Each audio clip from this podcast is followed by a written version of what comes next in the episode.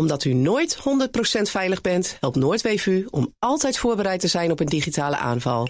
Ga voor meer cyberresilience naar noordweef.nl. We beginnen maar even met uh, die NAVO-top die inmiddels weer voorbij is. Veel blije gezichten. Mensen waren enthousiast over de resultaten die daar bereikt zijn. Uh, tijd om de balans op te maken met onze buitenlandcommentator Bernard Hammelburg in Amsterdam. En Europa-verslaggever Geert-Jan Haan vanuit Vilnius. Geert-Jan, dan bij jou te beginnen. Goedemorgen overigens beiden. Goedemorgen. Goedemorgen. Ja, ze zijn er allebei heel goed. Uh, Geert-Jan, het gaat daar natuurlijk met name ook over die draai van Erdogan, hè, de Turkse uh, regeringsleider, rondom het uh, NAVO-lidmaatschap van Zweden. Eerst uh, stelde hij nog allerlei eisen, nu mag Zweden toch lid worden. Dat zou heel snel geratificeerd kunnen worden door het Turkse parlement. Maar, maar mogelijk duurt dat toch weer wat langer. Wat is er aan de hand? Nou, aan het einde van de tweedaagse NAVO-top gaf Erdogan een persconferentie. Een hele lange persconferentie. En dan staat hij daar als een wassen beeld achter zo'n uh, zo'n tafel um, de pers te woord. En wat hij aangaf was dat uh, het Turkse parlement uh, voorlopig niet. De, deze NAVO-toetreding van Zweden gaat ratificeren. Niet omdat het het niet zou willen, maar simpelweg omdat het met reces is en niet voor oktober terugkomt. Nou, dan kun je denken: oké, dat wisten we, hè, dat reces van dat parlement, plausibel. Maar um, Stoltenberg gaf eerder al aan, uh, ja, uh, in principe gaat dit te snel komen. En ik sprak ook nog met de Tsjechische president Petr Pavel. En die zei, ja, Erdogan heeft tegen ons gezegd... binnen enkele weken is de kogel door de kerk. Is dit hele eigenlijk bureaucratische geëmmer, uh, is het klaar? En ja, daarom waren er toch wel wenkbrauwen die gingen fronsen. Ja, maar verwacht je dan dat hij toch nog mogelijk weer aanvullende eisen gaat stellen? Met Erdogan weet je het nooit. Uh, mijn persoonlijke opvatting is op basis van wat hij heeft gekregen.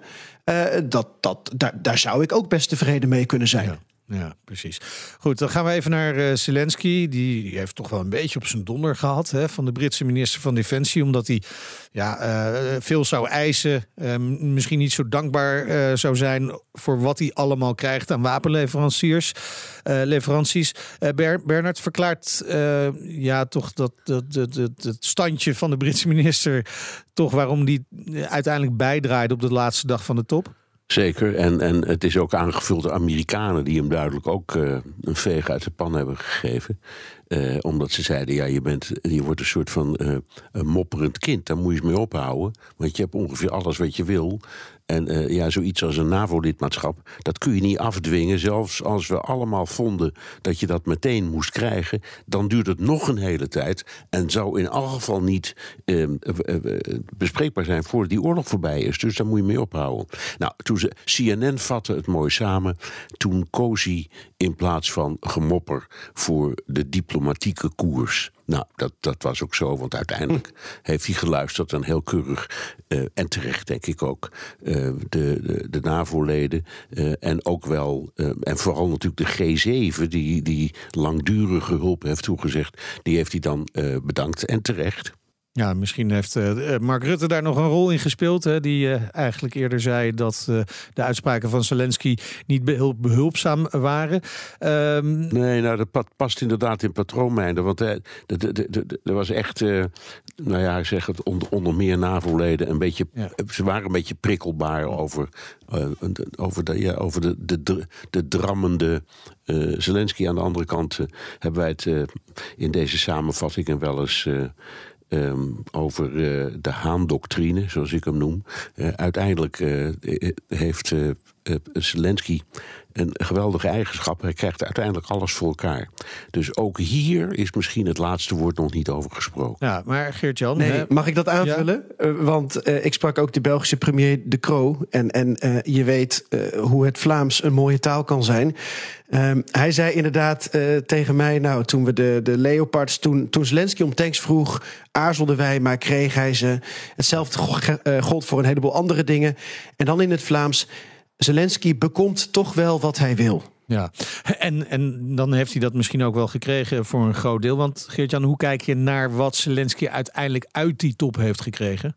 Veel. Ik denk dat um, de frictie er met name zit niet in dat NAVO-lidmaatschap, maar in een, een soort van tijdpad richting dat NAVO-lidmaatschap. Dat er misschien een jaar op zou zijn geplakt of iets concreters dan nu. Nu hebben ze een NAVO-Oekraïne-raad in het leven geroepen. Dat betekent dat ze eigenlijk als gelijken met elkaar, ehm, als NAVO en Oekraïne met elkaar in gesprek uh, kunnen gaan. Als er een crisis is, mag Oekraïne die raad bij elkaar roepen. Nou, dat is misschien uh, best een interessant platform. Maar ja, daar kom je niet zomaar mee thuis als Zelensky. Ik denk wel, Bernard hint al op die G7-veiligheidsmaatregelen. Ik denk dat dat um, eigenlijk de belangrijkste winst is. Naast een heleboel wapens natuurlijk. Um, als ik dat heel kort mag proberen uit te leggen, Meijnerd, want we zijn op een NAVO-top en ineens wordt de G7 erbij ja. gesleept. Nou, de G7, club van machtige westerse landen, grootste industrieën, economieën van, uh, van het Westen. Um, ook al nauwe samenwerking met de EU als uh, supranationale organisatie. En wat er is gebeurd is dat uh, de landen van de G7 hebben allemaal bilaterale afspraken gemaakt met Oekraïne. Een belofte waarin ze zeggen: wij gaan jullie langdurig steunen. Dus zie het als een groot raamwerk en daarbinnen gaat elk land iets invullen. Um, die G7 is in dit geval geen gesloten club. Want uh, Nederland en Denemarken hebben gezegd: wij willen hier ook wel aan meedoen. Wij zijn bijvoorbeeld ook de kartrekkers van de F-16-coalitie. Dus laat ons ook zo'n vakje van die veiligheid van Oekraïne op de lange termijn invullen met de Patriots of met de F-16's. Um, in ieder geval met de organisatie daarvan en het bouwen van coalities daarin. De Kroo gaf tegen mij aan het ook heel interessant te vinden. Kortom, ja, binnen, uh, binnen de NAVO-top is er met G7-landen wat afgesproken. Die natuurlijk ook lid zijn van de NAVO. Ja. Maar wat niet past binnen het Russische frame van de NAVO zoekt nee, oorlog precies, met Rusland. Precies. Maar Bernard, was het dan inderdaad uh, ja, een, een NAVO-top die vooral ook het podium was waar andere samenwerkingen tot leven kwamen? Nou, dat kun je best zeggen. En ik vond dit ook wel een slimme oplossing, eerlijk gezegd. Um, omdat ze zochten dus naar een, naar een vorm om tegen Oekraïne te kunnen zeggen: nee, dat NAVO-lidmaatschap mm -hmm. dat kan niet, al zouden we het willen. Het is gewoon nu echt niet uitvoerbaar. Maar we zien wel de enorme risico's. Er heerst, en dat merk je toch uh, als je wat dieper gaat praten en leest. Um, ook bij de NAVO-leden en de, en de G7 enige vrees dat uh, de Russen nog niet zijn verslagen, zal ik maar zeggen. En, nee. en, en de grote vraag is dus: is Oekraïne, zelfs met al die steun, in staat deze oorlog te winnen? En het antwoord is niet duidelijk. Daar zijn ze het niet over eens. Uh, vandaar ook die discussie over uh, clustermunitie. Hè. De Amerikanen leveren nu cluster bommen. Die, die zijn 155 mm, dus die pad passen in normaal uh, uh, geschut, hè, ja. dus artillerie. Um, en dat doen ze omdat, dat zeggen ze ook, ja, Oekraïne is door zijn munitie heen. Uh, en dat betekent dat uit de, de, de, westerse voorraden simpelweg niet meer voldoende uh, gehaald kan worden. De, de, productie loopt als een gek, maar niet snel genoeg. Dat is echt een heel acuut en groot probleem. En het is wat dat betreft heel verstandig dat ja, de Amerikanen grijpen nu naar clusterbommen. Dat die G7, maar ook andere landen, zoals Geert-Jan zegt, bijvoorbeeld Nederland en Denemarken, ja. zeggen we moeten, we moeten echt wel serieus oplossingen vinden voor de problemen. Gewoon de, de, de complete ja.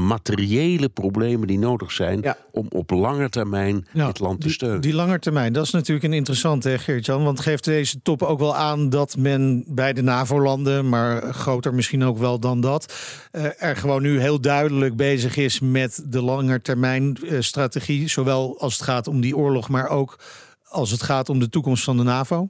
Zeker, ja. Ik denk dat um, het defensieprogramma uh, voor Oekraïne, zoals je dat misschien het, het, het ja. best kan formuleren, wat, wat nu door al die landen uh, wordt gezet, ja, dat is iets wat juist ook weer heel goed bij de NAVO past. Ook al is dit een G7-initiatief. De NAVO heeft zelf ook um, uh, een, een nieuw um, defensieproductie-actieplan bijvoorbeeld goedgekeurd. Met versnellingen in het produceren van munities, van wapens. Er is een hele nieuwe structuur opgetuigd waarvan de Tsjechische president. Dat was vroeger de Rob Bauer hè, van, uh, van de NAVO. Die woonde een paar jaar in Brunsum. Die zei van ja, eigenlijk zijn we weer terug naar de structuur um, waar ik vroeger mee heb gewerkt. En wat ik heel fijn vond. Dus binnen de NAVO is alles en iedereen aan het kijken. Hoe kunnen we moderniseren? Hoe kunnen we het zo snel mogelijk doen? En hoe kunnen we Rusland en andere dreigingen blijven afschrikken? En dat blijft natuurlijk het belangrijkste. En dat is ook precies dat raamwerk van die G7. Het gaat om Oekraïne steunen, maar het gaat ook om een signaal richting Moskou. Nou ja, zal ik nog een keer de woorden van premier Rutte herhalen? Um, fuck, zei hij. Ze blijven nog steeds bij elkaar. Dankjewel. Buitenlandcommentator uh, Bernard Hammelburg en Europa-verslaggever Geert-Jan Haan. Omdat u compliant en in controle wilt zijn, zorgt Noordweef voor een altijd soepel draaiende security office. Met uw eigen CISO of die van ons. Ga voor meer cyber resilience ook naar noordweef.nl.